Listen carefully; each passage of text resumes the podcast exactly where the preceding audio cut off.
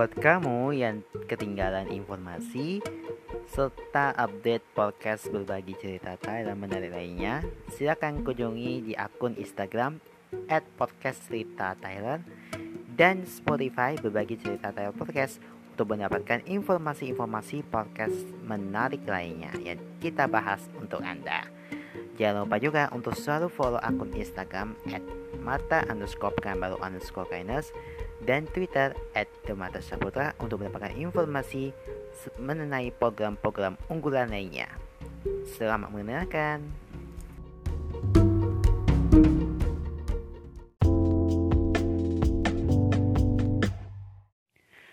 Ini adalah sebuah cerita di Korea yang menyukai K-pop.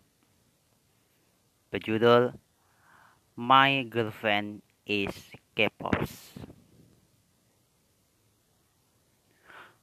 Pagi yang cerah dan burung di kota Seoul berkicau dengan suara yang indah. Ku terbangun dengan jadwal yang padat hari ini yaitu bekerja di galeri seni sebagai karyawan di sana dan datang ke konser artis. Aku bersiap berangkat kerja karena di galeri seni sedang ada pameran lukisan di sana. Aku menunggu acara itu selesai. Sekitar Iqbo, namaku Kim Yenbin. Aku seorang K-pops dan karyawan di galeri seni ini. Setengah jam berlalu, aku menunggu acara itu cepat selesai. Sampai aku menjadi gelisah karena konser itu sudah akan mulai. Saat acara itu selesai, aku langsung menelpon jasa antar barang yang kubayar dua kali lipat agar aku tepat waktu. Kau ini memang gila kalau soal K-pop. Yongga berkata sambil menggeleng heran. FYI, Yona adalah sahabat kerjaku. Lah, biarkan saja, beginilah aku hidup. Ku jawab dengan senyum ramahnya. Sesampai di dekat konser, aku menyiapkan perlengkapan, lightstick, kamera, tulisan fighting. Aku berteriak bersama fans yang lain.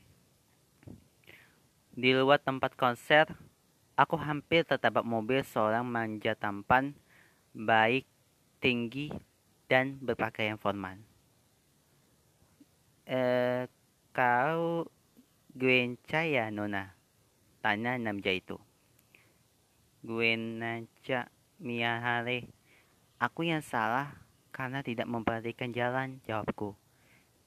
Tidak kok, yang salah aku mau ku antarku pulang.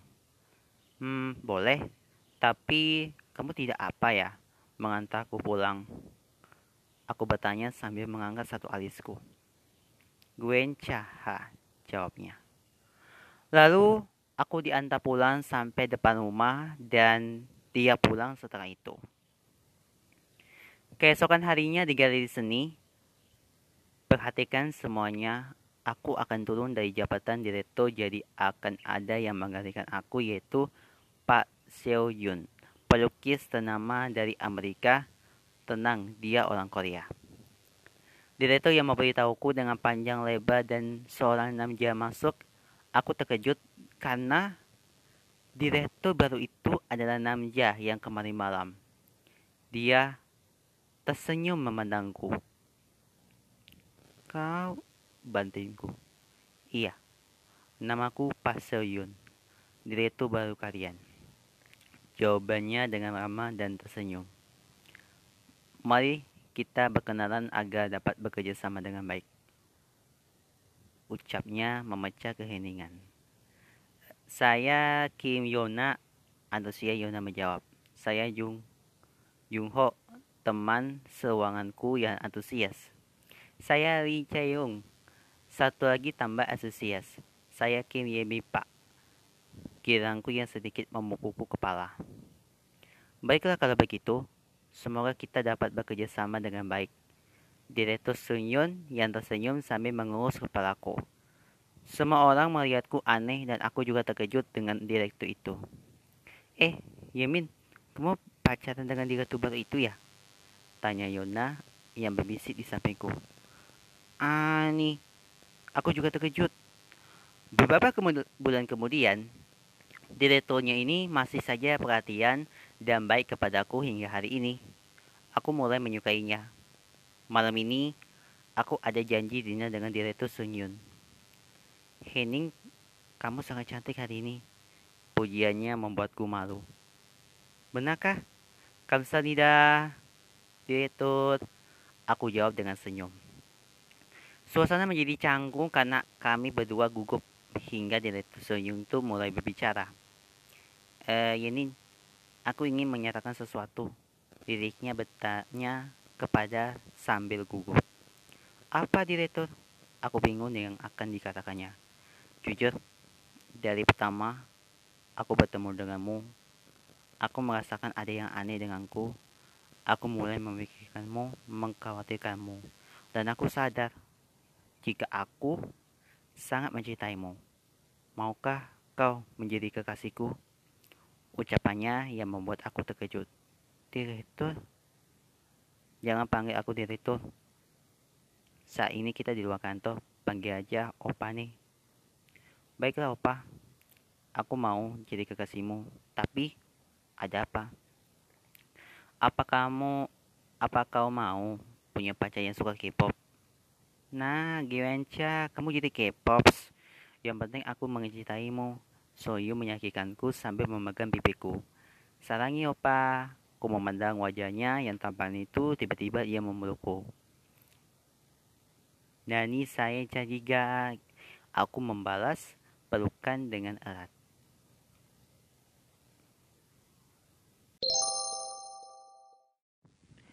Assalamualaikum warahmatullahi wabarakatuh. Salam sejahtera bagi kita semua. Om Swastiastu, Namo Buddhaya, Salam Kebajikan.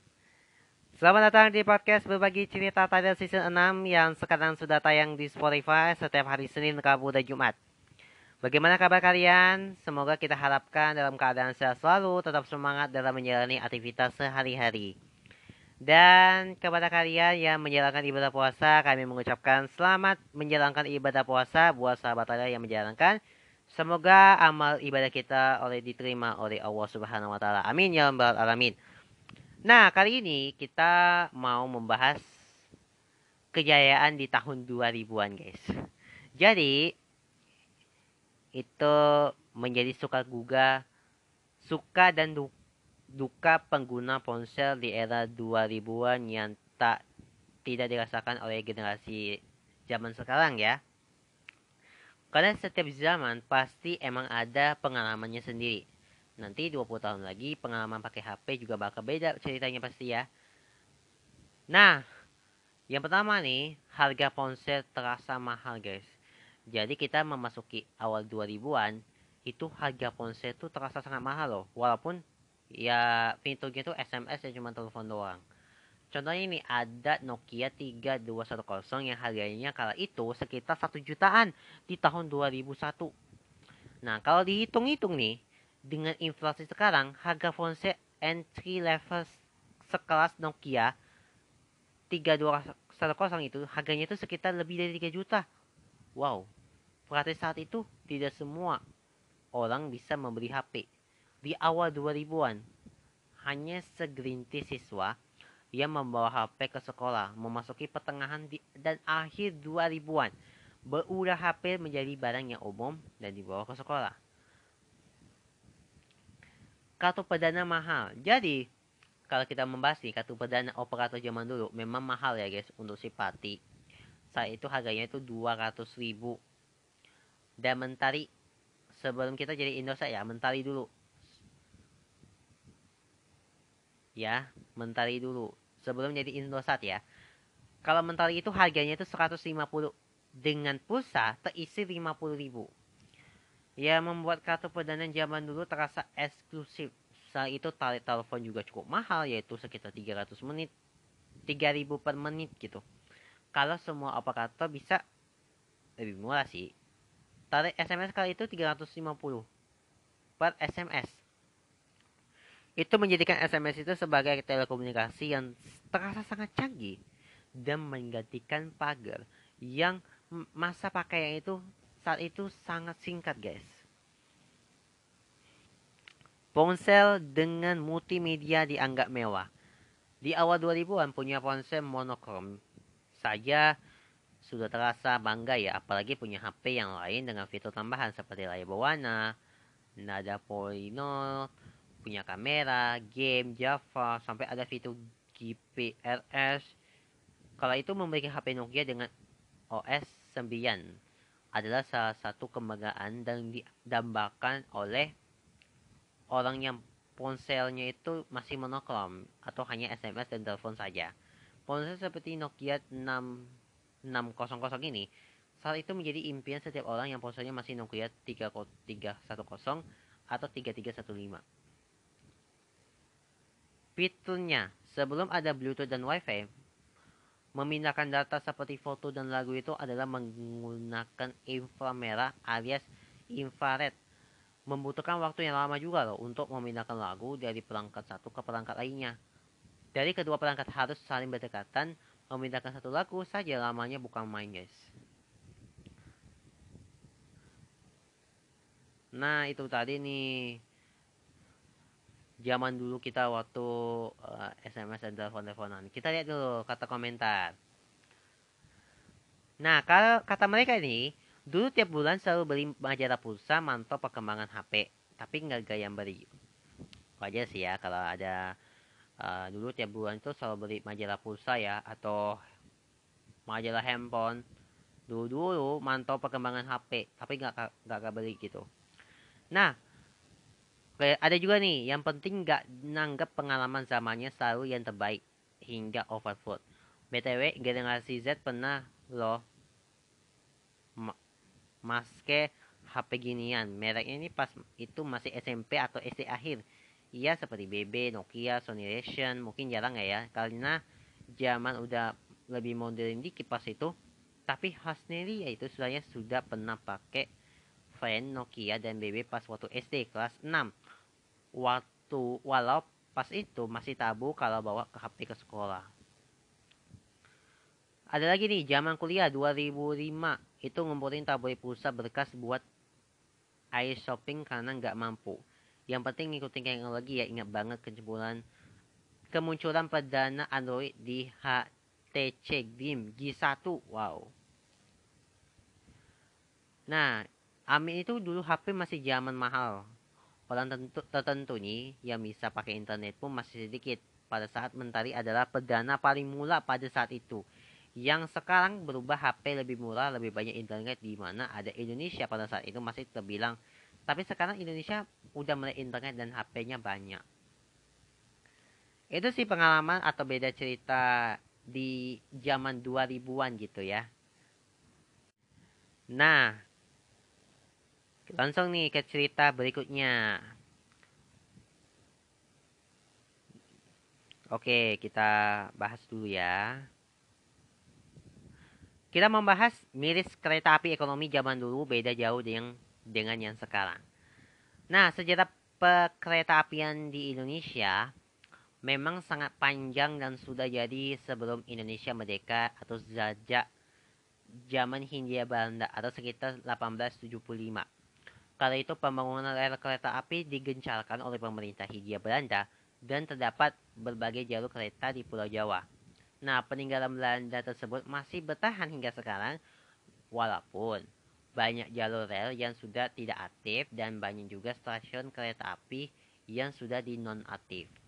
Nah, saat ini PT Kereta Api Indonesia terus berbenah nih dalam melayani kebutuhan transportasi kereta api untuk masyarakat. Namun dalam sejarahnya, perkereta perkereta apian di Indonesia tidaklah sebaik sekarang. Dari awal di zaman kemerdekaan sampai 2012 saja, sistem perkeretaapian di Indonesia jauh dari kata modern dan tertinggal dengan negara maju. Khususnya ini untuk kelas ekonomi, di mana ada kereta api kelas ekonomi sudah seperti mengangkut hewan ternak dan jauh dari kata manusiawi. Sebelum dilakukan revolusi besar-besaran pada tahun 2011 hingga 2012, itu sistem kereta api di Indonesia tidak modern seperti sekarang. Nah, khususnya khususnya untuk kelas ekonomi.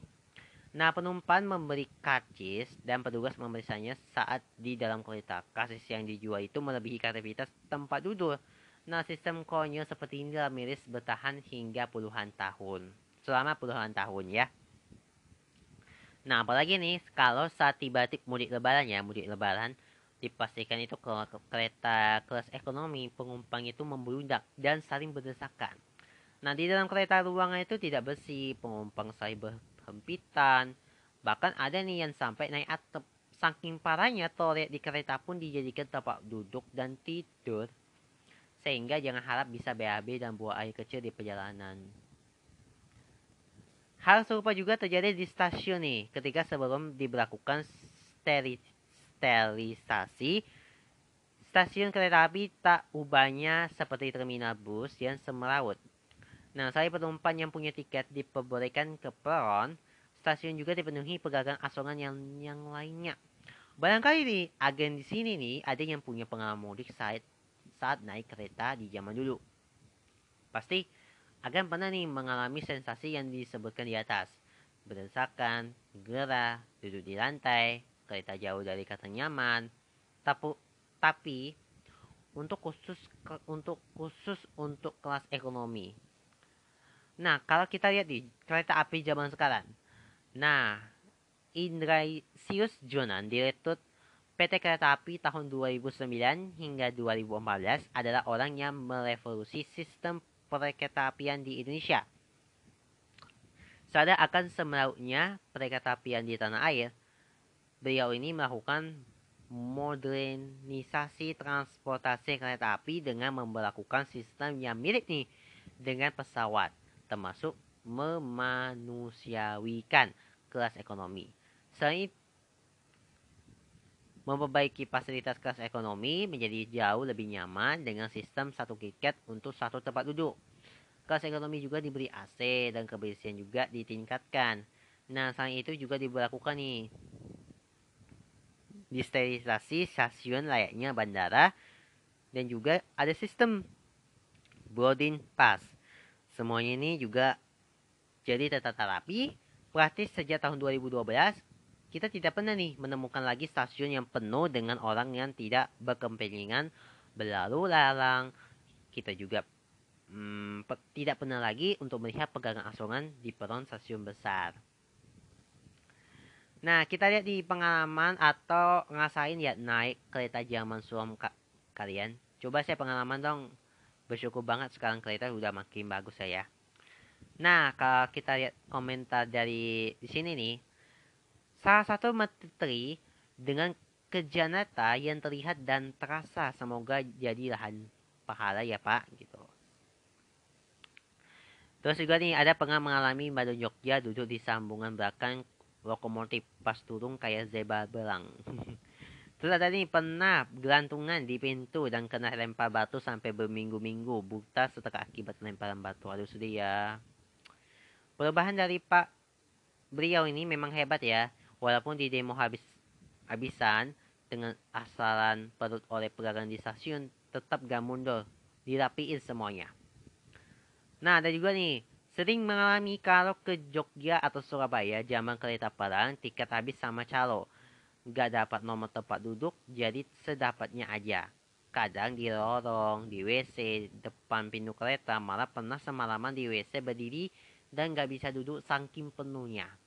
Pernah juga nih duduk di depan pintu sampai nggak bisa berdiri dan pintunya nggak bisa dibuka. Mana pegagang asongan yang sama penamen pada kurang ajar ya nggak lihat penuh asal masuk aja. Sekarang alhamdulillah ya sudah sangat luar biasa bagus Pak Hans memang pahlawan revolusi kereta api. Salut. Nah, juga nih ada pengalaman ini. Copet di mana-mana, dompet dikasih lantai, masih bisa dihilang, selalu sama copet kereta jos kerjanya. Pernah naik kereta dari stasiun Tanah Abang ke stasiun Cepet Klaten, duduk di tengah mana yang jualan lalu lalang. Nah, pernah nih dari Jogja duduk depan WC alas koran, meluk lanse sampai Jakarta, membayangi dulu baunya lengket walaupun udah mandi. Ngerasain waktu masih kecil cuma bisa liatin orang naik di atap kereta. Sekarang udah gede pengen ngerasain ngadain kayak gitu malah. Udah gak bisa ya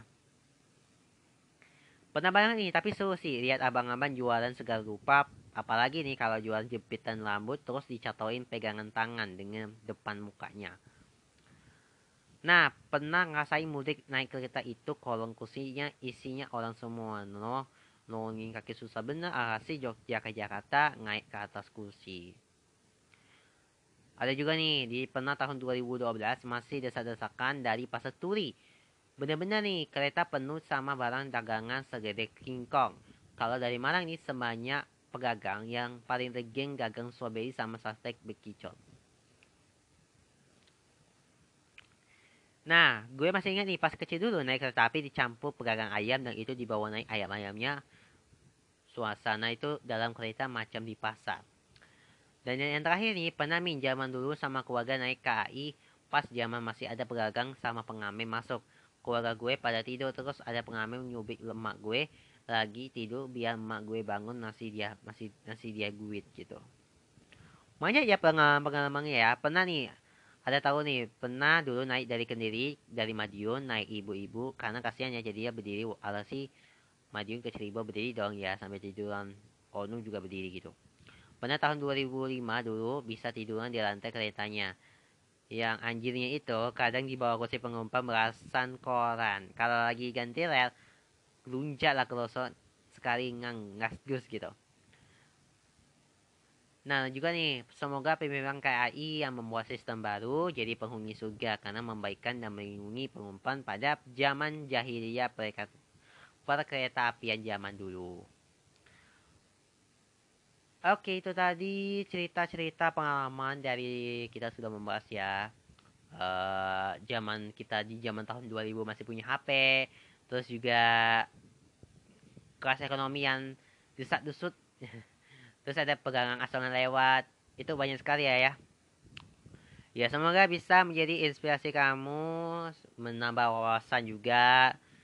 Terus juga menjadi nostalgia bareng ya sama-sama kita karena kita mau ngingetin nih, jangan lupa untuk selalu tetap menerapkan protokol kesehatan di mana pun kalian berada, menggunakan masker, menjaga jarak, mencuci tangan sabun, di air mengalir, menjauhi kerumunan dan membatasi mobilitas dan juga interaksi. Dan jangan lupa nih, kami segenap podcast berbagi cerita Tyler ingin mengucapkan selamat menjalankan ibadah puasa bagi umat muslim yang menjalankan. Semoga puasa kita diterima oleh Allah Subhanahu wa taala. Dan jangan lupa nih untuk follow aku Instagram, Twitter dan juga Instagram biar kamu gak ketinggalan episode barunya. Dan sampai sini dulu ya episode kita kali ini. Saya Mereka Saputra dan teman gue Tarel Kim pamit undur diri. Dan sampai jumpa lagi di podcast berbagi cerita tentang episode selanjutnya. Selamat menjalankan ibadah puasa. Bye-bye.